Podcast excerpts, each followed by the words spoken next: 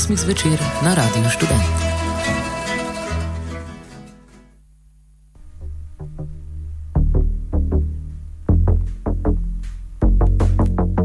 Spomin 2.0 Pozdravljeni v tretji redni ediciji znanstvene medredakcije. Današnja oddaja se bo tematsko navezovala na prejšnjo, kjer smo razglabljali o spominu, zakaj je le ta pomemben in na vse zadnje, kaj so možganski mehanizmi, ki nam omogočajo ta kompleksen biokemijski proces. V prejšnji oddaji smo omenjali tudi nekatere novejše raziskave. Ena izmed njih je nekoliko zamajala naše trdno prepričanje o vedenju, kje se hranijo spomini. Zaključili smo nekoliko bolj patološko. Zaradi tega ste lahko slišali nekaj besed o najpogostejši obliki demence, Alzheimerjevi bolezni. Poleg tega smo se dotaknili še kronične travmatske encefalopatije, progresivne degenerativne bolezni, ki se pojavlja pri ljudeh s ponavljajočimi se poškodbami glave.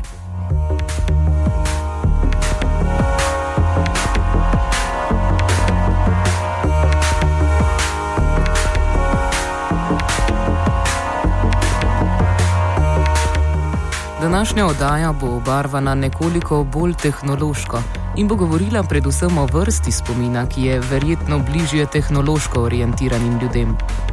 Začeli bomo s spominskimi protezami in prenašanjem digitaliziranega uma ter spominov gliste v elektronsko vezje robota. Nadaljevali s primerjavo med človeškim in računalniškim spominom in iskali razliko med delovanjem živčnih celic in tranzistorjev.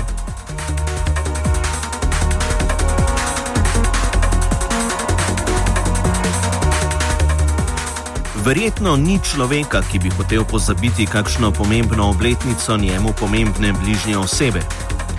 Najbrž obstaja tudi veliko število študentov, ki bi si rade volje v možgane usadili spominski čip z literaturo, ki bi jim prišla v poštev pri izpitu naslednjega dne.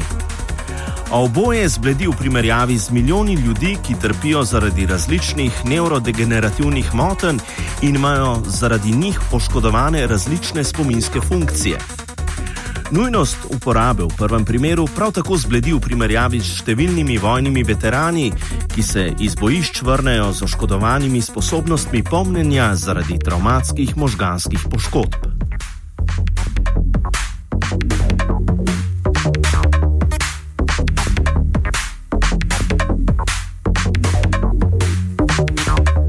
Bi verjetno z največjim veseljem posegli po takšni tehnologiji in si olajšali življenje, če bi le ta bila na voljo širši javnosti.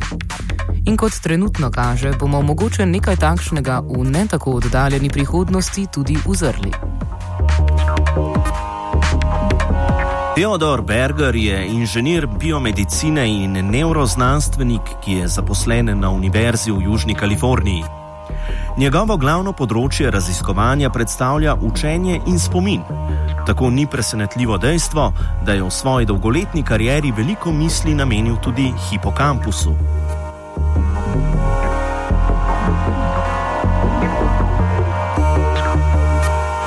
Hipokampus je ena izmed mnogih možganskih struktur, ki je približno na isti lokaciji v obeh hemisferah naših velikih možganov. Vsak od hipokampusov je sestavljen iz več omrežij in podsistemov, ki tvorijo zaprto povratno zanko. Vhodne informacije v obliki specifičnih vzorcev električnih impulzov pridejo iz velikih možganov preko tako imenovanega entorinalnega korteksa v hipokampus. Potem potujejo skozi različna področja hipokampusa in gredo na koncu nazaj v velike možgane. Za nas bosta pomembni predvsem področji hipokampusa po imenu CA3 in CA1.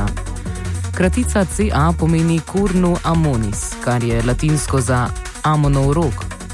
Informacije po hipokampusu potujejo z področja CA3 na področje CA1 in nadaljujejo svojo pot z področja CA1 naprej.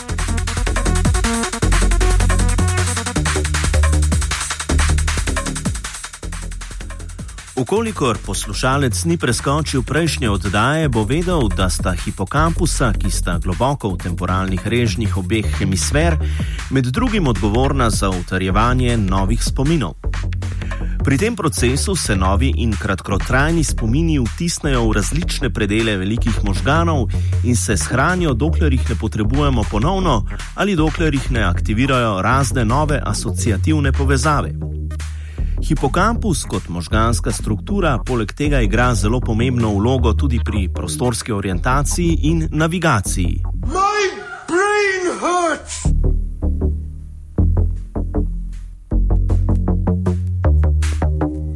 Bergerja in njegove užje sodelavce že nekaj časa zanimajo odgovori na vprašanja, ki so bistvena za naše razumevanje spomina. Med drugim jih zanima, do katere mere lahko spojimo in združimo osnovne funkcije nekega živčnega sistema s strojno opremo, ki jo izdelamo sami.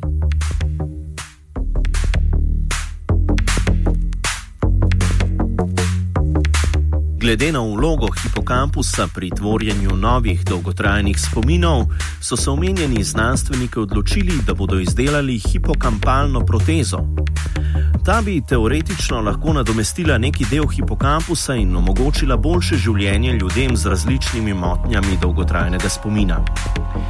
Ideja protez, s katerimi lahko nadomestimo manjkajočo končino ali kakšen drug del telesa, ni nova in se v človeški zgodovini pojavlja že od antike. Nekoliko novejša je ideja o neuralnih ali neuroprotezah, ki se od običajnih nekoliko razlikujejo.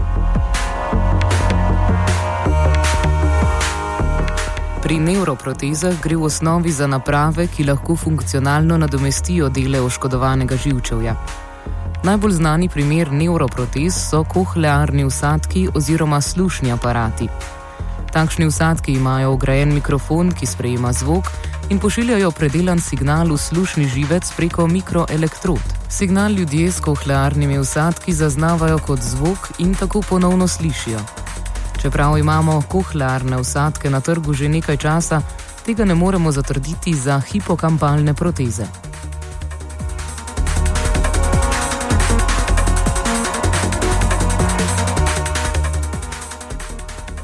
Neuroproteze, kot je naprimer hipokampalna proteza, morajo biti v celoti sposobne omogočiti brezhibno delovanje specifičnega dela živčnega sistema.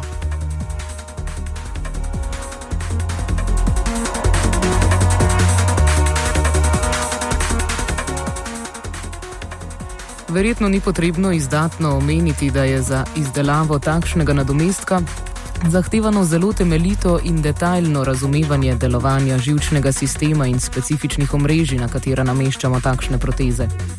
Če to ne bi bilo dovolj, delo dodatno otežuje možnost infekcije po operaciji in zagotovitev avtonomije delovanja.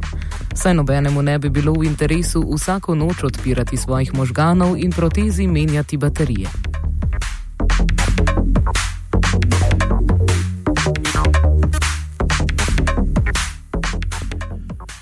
Leta 2011 je Bergerju s sodelavci uspelo uspešno izdelati hipokampalno protezo, ki so jo testirali na podganah. Protezo so sestavljale elektrode, ki so bile strateško postavljene na več mestih, da so lahko zbirale podatke iz vhodnih in izhodnih delov poškodovanega hipokampusa. Vhodni podatki so šli najprej v integrirano vezje, kjer je potekala analiza in priprava ustreznih odzivov. Ti so kasneje nadaljevali poti s čipom skozi elektrode v izhodne predale hipokampusa. Tako so lahko v nadaljem omrežju hipokampusa stimulirali ustrezni izhodni vzorec električne aktivnosti, ki proizvede isto aktivacijo, kot bi jo proizvedel sam hipokampus brez umestnih elektrod in čipov.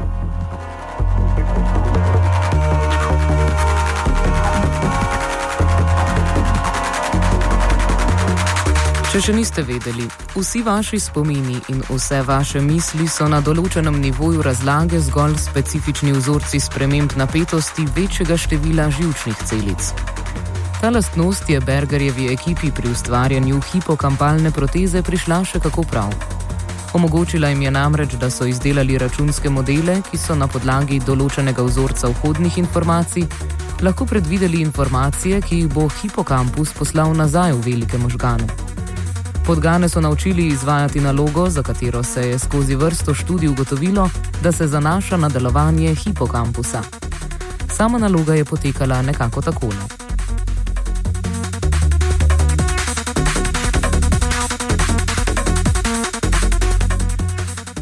Podgane so bile položene v škatlo z dvema ročicama. Izvajalci študije so lahko eno ali obe ročici potegnili ven in nazaj v škatlo. Pri vsakem poskusu je bila ena izmed ročic potisnjena v škatlo, pri čemer je morala podgana pritisniti ročico, da je dobila vodo. Zatem je sledilo obdobje med 1 in 30 sekundami, kjer so bile v škatlo potisnjeni obe ročici. Da bi podgana dobila vodo, je tokrat morala pritisniti na ročico, ki je v prejšnjem poskusu ostala nedotaknjena.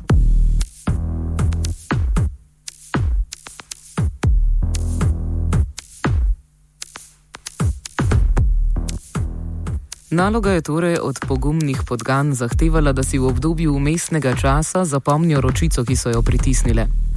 Ko so se tega naučile, jim je Berger s kolegi usadil 32 elektrod, ki so beležile in stimulirale možgansko aktivnost. Po 8 elektrod je šlo na območje CA3 in CA1 na vsaki hemisferi. Računski model, ki so ga izdelali na podlagi zabeležene aktivnosti v območju CA3, je napovedoval izhodne informacije območja CA1. Specifičen ozorec aktivnosti v CA3 regiji je tako lahko služil kot napovednik za izhodne informacije, ki so nadaljevale pot iz regije CA1 v hipokampusu v velike možgane.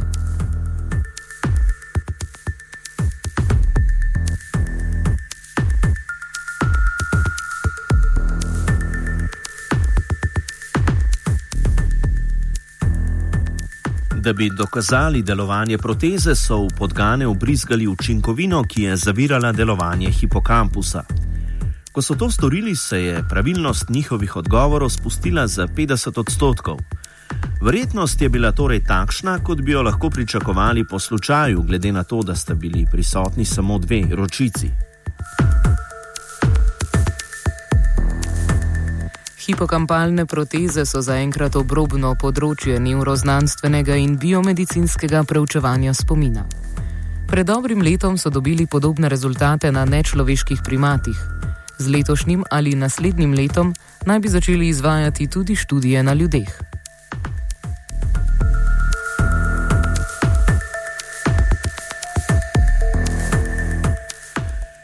Tehnologija prinaša mnogo obljub, a še več potencialnih nevarnosti.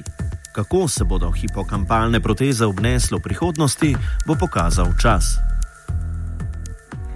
And the vision that was planted in my brain still remains within the sound of silence.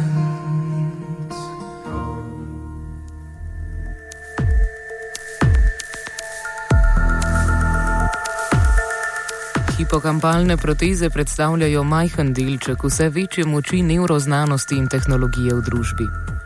Pri protezah, o katerih smo govorili, gre konkretno še vedno za spoj biologije in tehnologije. Na eni strani imamo možgane kot gmoto vode, maščobnih kislin in beljakovin, na drugi silicijeve čipe, kjer so električne spremembe v možganih privedle do računskih analiz teh sprememb. Na podlagi tako analiziranih podatkov se je izdelal odziv v obliki nekega signala, ki ga možgani pretvorijo v spomin.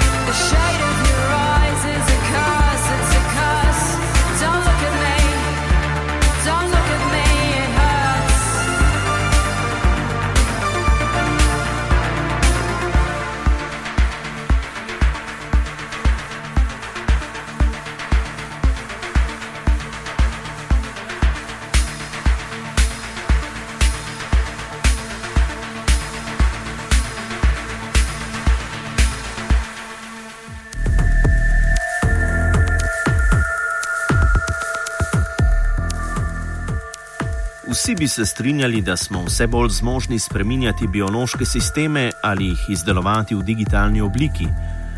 Zato si na tem mestu predstavljajmo, da bi hoteli postati nesmrtni. Po mnenju nekaterih ljudi bi to lahko dosegli s tem, da bi vse naše spomine in možganske povezave enostavno spremenili v digitalno obliko in jih prenesli na računalnik.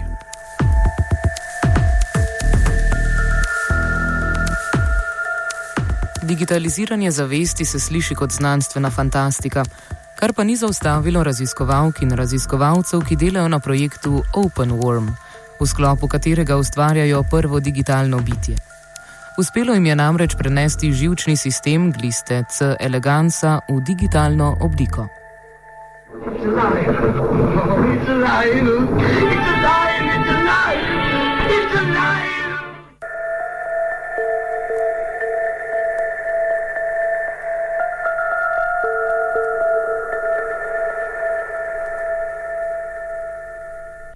Glista C. elegans je modelni organizem, kar pomeni, da se ga s pridom uporablja v raziskovalne namene in da imamo zaradi tega na voljo ogromno količino podatkov, kako deluje. Za našo zgodbo je pomembno predvsem dejstvo, da ima ta ljubka žival zgolj 302 živčni celici oziroma nevrona, katerih strukturo in funkcijo ter povezave med njimi natančno poznamo. Skupku takšnih kvantificiranih povezav v nevrozrananosti pravijo konektom. Konektom bi pri človeku obsegal tudi njegove spomine in bi tako vseboval življenjsko zgodbo posameznika, kar je tudi eden od razlogov, zakaj nekatere skupine ljudi menijo, da bi z digitalizacijo naših možganov lahko dosegli nesmrtnost, v najslabšem primeru pa vsaj zelo natančen dnevnik našega življenja.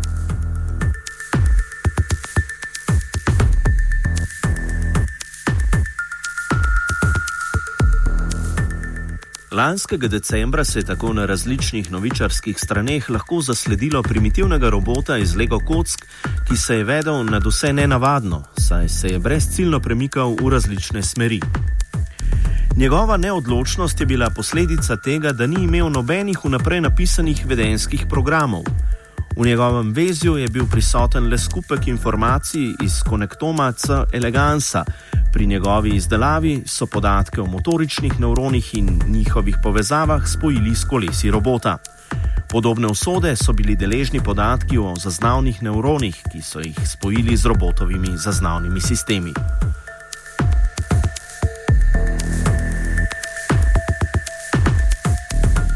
To mu je omogočilo, da je na podlagi informacij iz okolja lahko ustrezno odreagiral z motoričnim odzivom.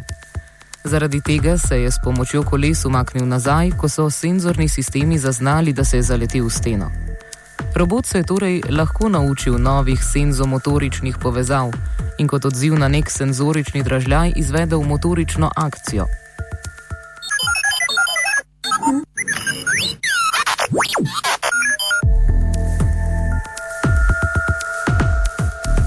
Senzomotorično učenje je ena pomembnejših vrst učenja, ki omogoča tvorjenje novih spominov pri mnogih živalskih vrstah. Kaže se, da lahko digitaliziran um gliste v robotovem telesu s pridom izkorišča to sposobnost, ki je bila izoblikovana z evolucijo. Čeprav gre pri digitalizaciji možganskih povezav omenjene gliste za dosežek, ki mu težko naredimo pravico zgolj z besedami, je po drugi strani treba upoštevati še nekaj stvari. Povprečen človek ima okoli 86 milijard več nevronov kot povprečna glista. Še več. Za vsakega od teh nevronov ima okoli 7000 sinaptičnih povezav z drugimi nevroni. Ob tem je pomembno tudi dejstvo, da navadno živimo dlje, saj je povprečna življenjska doba gliste med dvema in tremi tedni. Digitalizacija naših možganov in s tem vseh spominov bo zelo verjetno predstavljala zajeten računski zalogaj tudi za superračunalnike prihodnosti.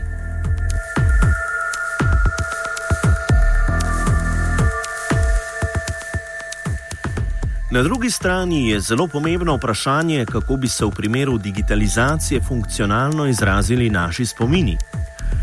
Digitalizirati um preproste živali, ki vsebuje predvsem nevrone namenjene gibanju in zaznavanju okolice, ni isto kot digitalizacija spominov, ki so nastali kot posledica aktivnosti kompleksnih biokemijskih kaskad več tisoč nevronov in verjetno milijonov sinaps.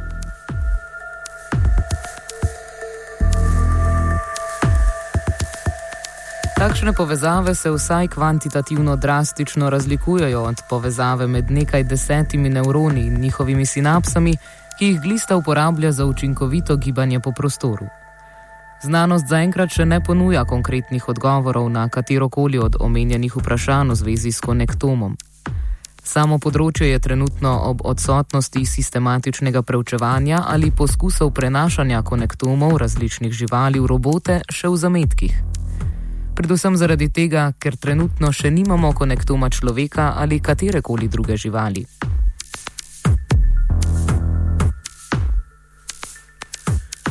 V ZDA sicer trenutno poteka odmeven projekt, ki želi to spremeniti, saj je namen projekta izdelati konektom zdravih človeških možganov. Na podlagi trenutnih projekcij se lahko rezultatov projekta nadejamo v prihodnjih nekaj desetletjih. Zaenkrat pa je ta projekt na samem začetku in še ni privedel do večjih kritičnih spoznanj o človeških možganih.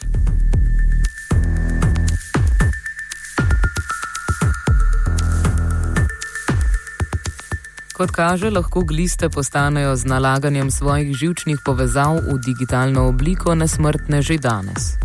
Pri ljudeh pa bo na neposredno digitalizacijo naših spominov potrebno še nekoliko počakati, če bo to sploh kdaj resnično možno.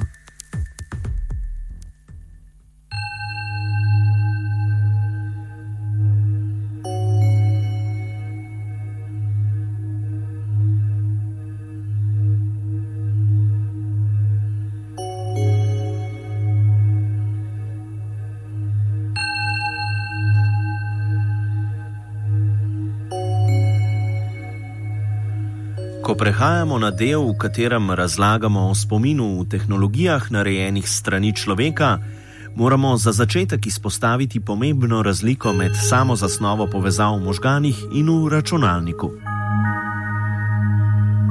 Kot že vemo, so možgani sestavljeni iz živčnih celic ali nevronov, ki tvorijo z drugimi nevroni povezave preko sinaptičnih povezav.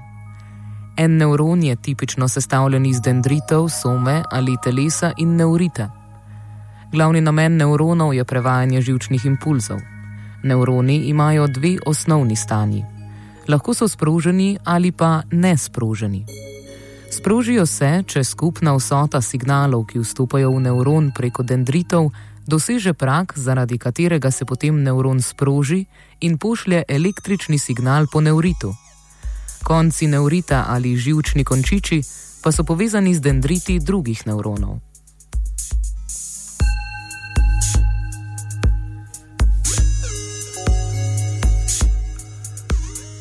Osnovni gradniki mikroprocesorja, ki je najpomembnejši del računalnika, so tranzistori. Tranzistor si lahko predstavljamo kot stikalo, ki ima dve možni stanji ali binarno vrednost. Med stanji preklapljamo s spremembo napetosti na baznem priključku tranzistorja. S tem določamo, ali tranzistor med drugima dvema priključkoma prevaja tok ali ne.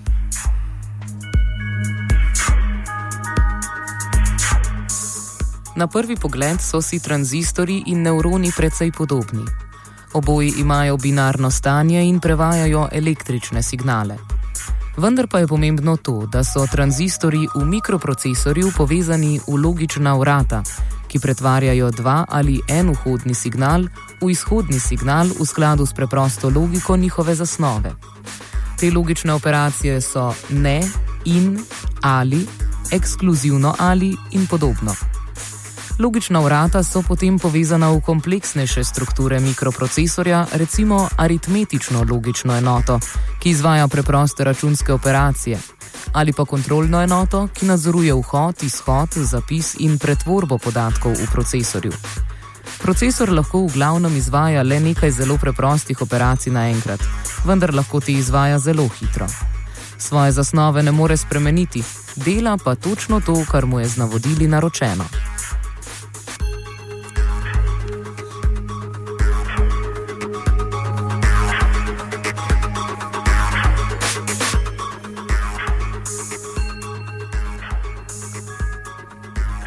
Nevroni imajo za razliko od tranzistorjev več tisoč povezav z drugimi nevroni. Kljub temu, da imajo v osnovi samo dve stanji, lahko spreminjajo prag za sproženje signala ter zmanjšajo ali povečajo število povezav z drugimi nevroni, kar jih naredi kompleksnejše in prilagodljivejše. Zaradi zasnove možganskih povezav lahko delamo veliko kompleksnih operacij naenkrat, recimo lovimo ravnotežje, dojemamo okolico, ki jo zaznavamo s čutili, načrtujemo in podobno.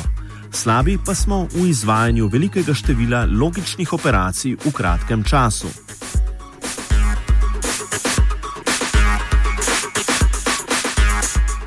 Vidimo torej, da so možgani in računalnik zelo različni in jih ne moremo neposredno primerjati.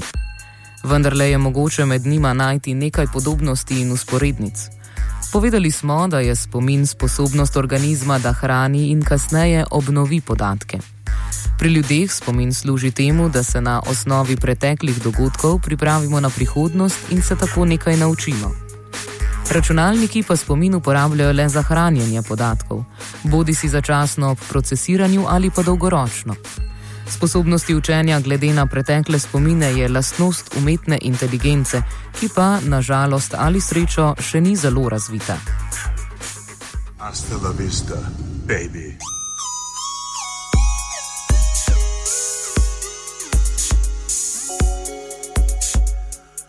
Omenili smo, da za procesiranje informacij v možganih pojmujemo tri faze: zaznavo informacij iz okolja, shranjevanje informacij v obliki povezav in uporabo informacij ob potrebi. Podobno se dogaja tudi v svetu računalništva. Procesor, ki obdeluje podatke in je zadolžen za računanje, izbira, filtrira in kodira informacije, ki se bodo zapisale v spomin določa, kam jih bomo shranili, na to pa jih s pomočjo električnih signalov shrani oziroma zapiše. Zapisane informacije lahko ob želenem trenutku preberemo, ne da bi jih spremenili, ali pa jih kasneje pobrišemo oziroma na njihovo lokacijo zapišemo nove informacije.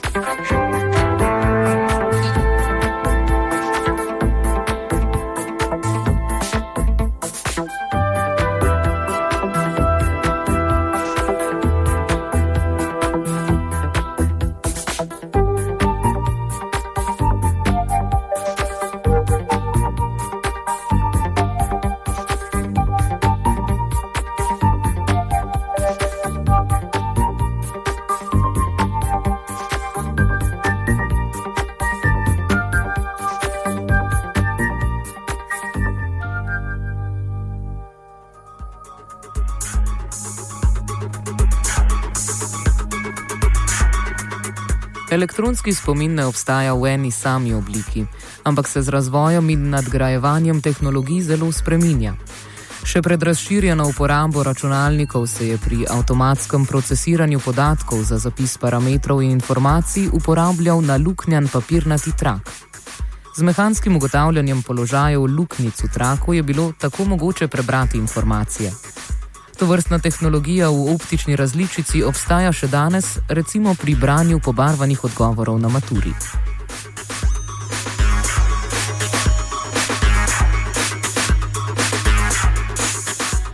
Na začetku 50-ih let se je prvič pojavil spomin na magnetni zapis.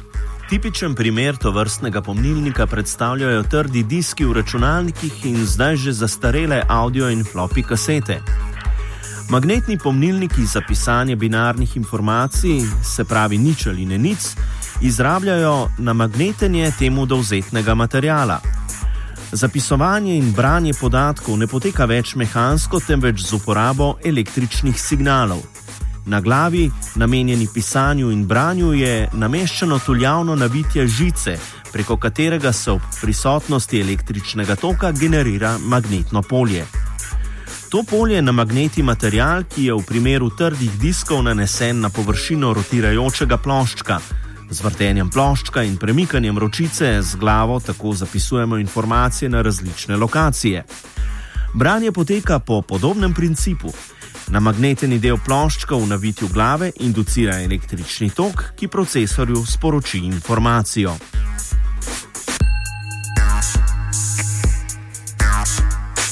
Pomična glava in rotirajoči plošček pa nista značilna le za trde diske. Optični spominski mediji, kot so CD, DVD in Blu-ray, uporabljajo podoben princip, ki pa se razlikuje v načinu zapisa in branja informacij. Pomična glava tu nosi lasersko diodo, s katero osvetljujemo različne lokacije diska, prevlečenega z aluminijem, barvilom in zunanjo polikarbonatno plastjo. Ko je CD prazen, je polikarbonatna plast prosojna in svetloba lahko nemoteno prehaja in se odbija skozi njo. Ob pisanju se lasersko svetlobo z določeno frekvenco in intenziteto usmeri na točko pisanja na plasti. Svetloba lokalno segreje plast z barvilom, ki se potemni in onemogoča prehajanje svetlobe.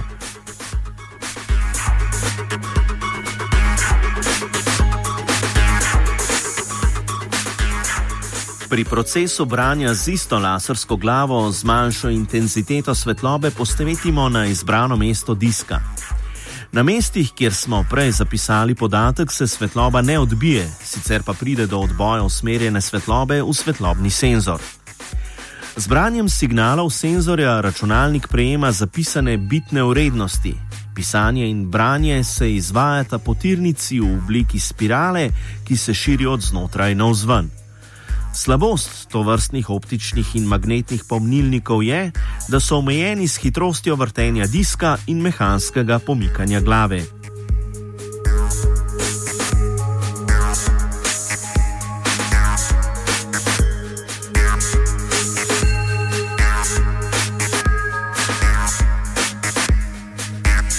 Danes obe tehnologiji služita v vlogi sekundarnega pomnilnika namenjenega dolgoročnemu hranjenju informacij, ki ga po angliško imenujemo non-volatile memory. Podobno kot pri ljudeh, namreč tudi tu ločimo dolgoročni in kratkoročni spomin. Kratkoročni oziroma delovni spomin, volatile, je namenjen hranjenju informacij med procesiranjem podatkov in se ob izklopu napajanja pobriše. Dolgoročni pa hrani podatke do izbrisa, okvare ali fizične degradacije.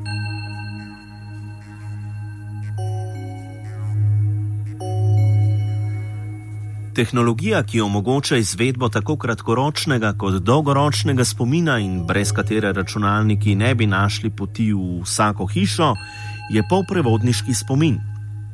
Sestavlja ga večmilijonska mreža tranzistorskih celic, do katerih dostopamo prek naslovnih in podatkovnih povezav. Vsebina celic in načina dostopa je odvisna od izvedbe in vrste spomina, ki ga realiziramo. Kratkoročni spomin RAM, kar označuje Random Access Memory ali pomnilnik z naključnim dostopom, ima lahko celico sestavljeno le iz tranzistorjev, pogosto pa vsebuje tudi kondenzatorje, ki hranijo naboj. Ko je kondenzator znotraj celice napolnjen, je na njem zaradi prisotnega naboja neka napetost, ki jo interpretiramo kot logično enico. Prazen kondenzator, z katerega je naboj že odtekel, pa pomeni logično vrednost nič.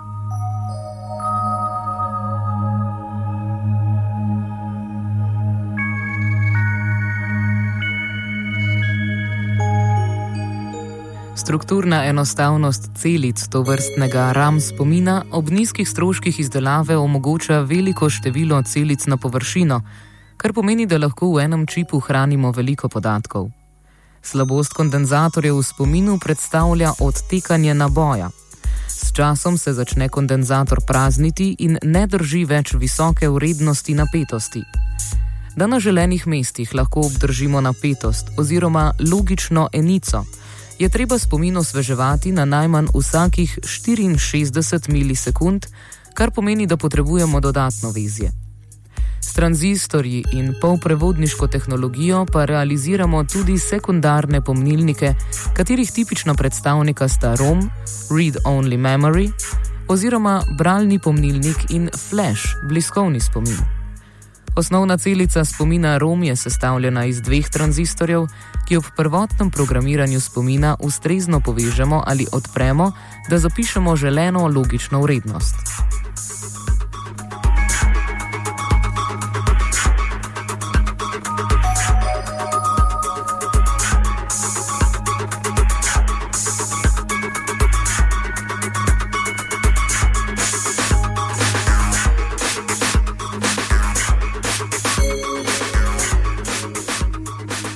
Povezav med delovanjem ni mogoče spreminjati, lahko le preberemo bitne vrednosti, odkuder tudi izvira ime pomnilnika. Zaradi te lastnosti pomnilnik ROM uporabljamo v situacijah, ko želimo vrednost podatkov le brati, naprimer kot referenčno tabelo vrednosti neke funkcije ali za hranjenje videoigric v starih Game Boy kasetah.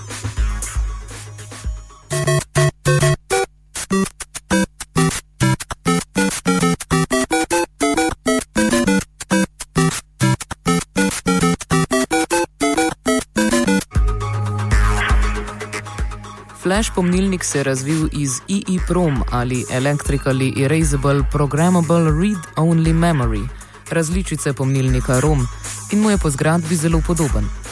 Razlikuje se v pomembni lastnosti, da lahko vrednosti posameznih blokov tranzistorskih celic bliskovito hitro pobrišemo. Celico namreč vsebujejo posebne tranzistorje z dodatno povezavo, na kateri s kopičenim nabojem določamo vrednost nič ali ena. S primerno visokimi napetostmi na sponkah tranzistorja dodatno povezavo nabijemo ali razelektrimo. V zadnjih letih se je uporaba flash spomina zelo povečala. Srečamo ga v USB ključih, spominskih karticah, telefonih, počasi pa nadomešča tudi magnetne trde diske v računalnikih.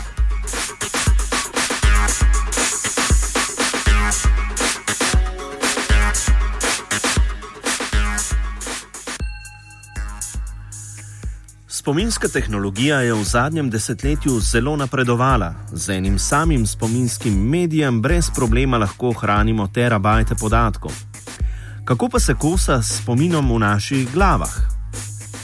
Neposredna primerjava zaradi drugačnih mehanizmov delovanja in pomnjenja ni mogoča, za predstavo pa si lahko urišemo približno sliko.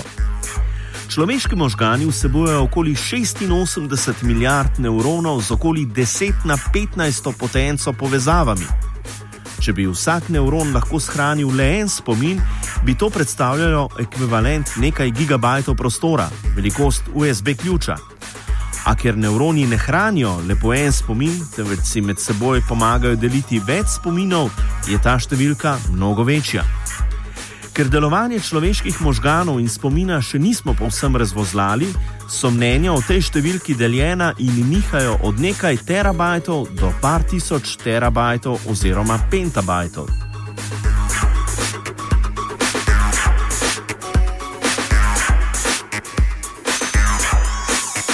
Čeprav ima torej računalnik fotografski spomin, sposobnost človeškega spomina ni zanemarljiva, vendar deluje na povsem drugačen način. Kako bi se možgani izkazali pri testu hitrosti proti računalniku, če bi povsem zanemarili razlike v delovanju možganov in računalnika ter primerjali zgolj splošne lastnosti nevronov in tranzistorjev? Za primerjavo bomo vzeli japonski superračunalnik K, ki je do leta 2012 veljal za najhitrejšega na svetu. K lahko izvaja štirikrat več operacij na časovno enoto kot tipični možgani in hrani desetkrat več podatkov v bajtih. Vendar je zanimivo, da zasede K tudi prostor 800 omar, porabi pa 10 MW moči.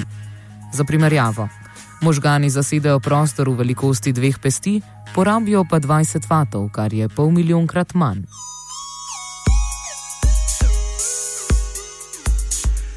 Preskok v smeri, da bi računalniki začeli razmišljati kot ljudje, je zelo težaven.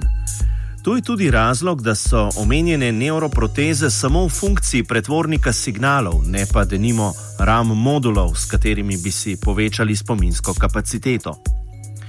Vendar obstajajo tudi poskusi, da bi z računalniki simulirali delovanje možganov in sicer z umetnimi nevronskimi mrežami.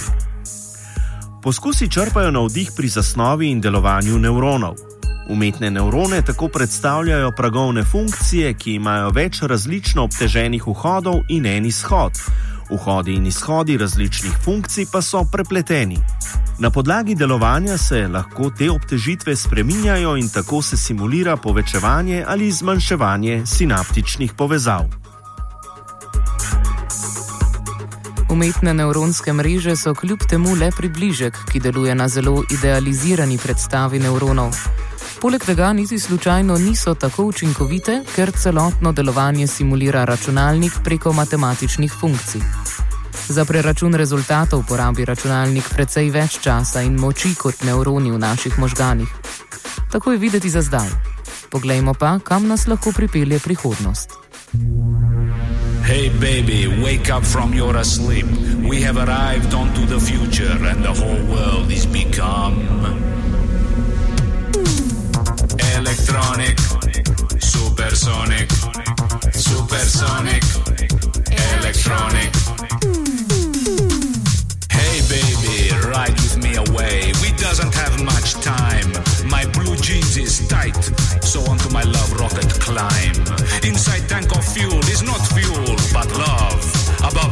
There is nothing above but the stars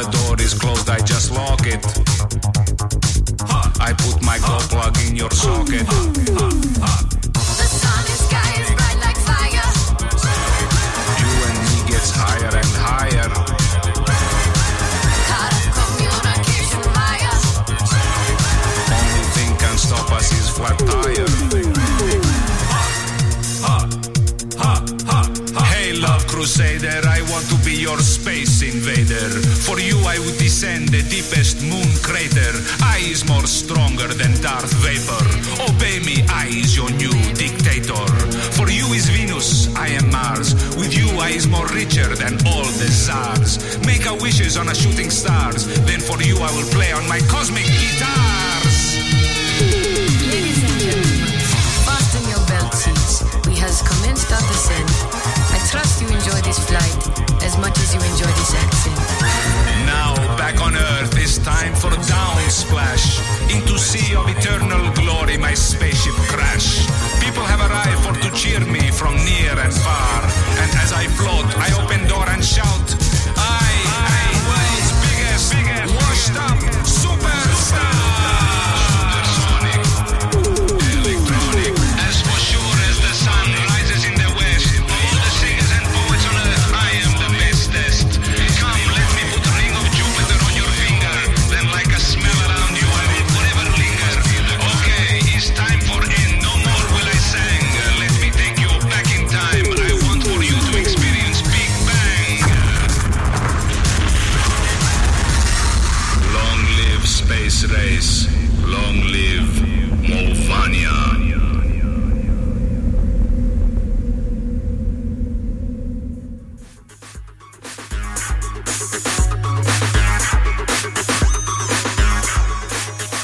Znanstvena fantastika že nekaj časa napoveduje spoj elektronskega in biološkega sveta.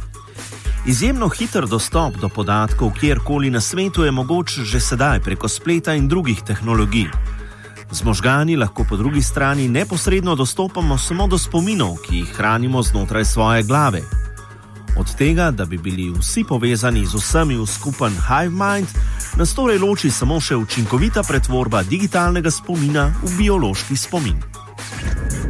We are the Borg. We will add your biological and technological distinctiveness to our own.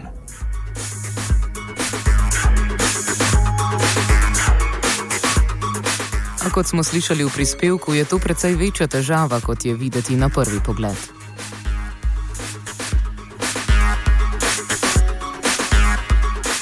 Več o zametkih skupinske zavesti, shranjevanju podatkov v oblaku in novih spominskih tehnologijah lahko izveste v kateri od prihodnjih oddaj znanstvene medredakcije.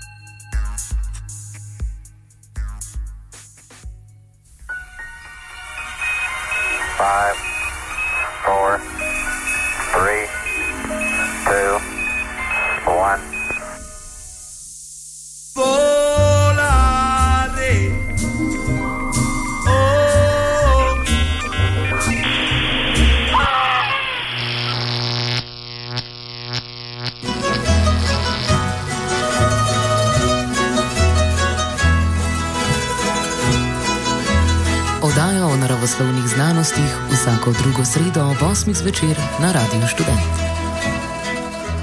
89,3 MHz UKV stereo. V vsakem kotu tega sveta. Radio študent.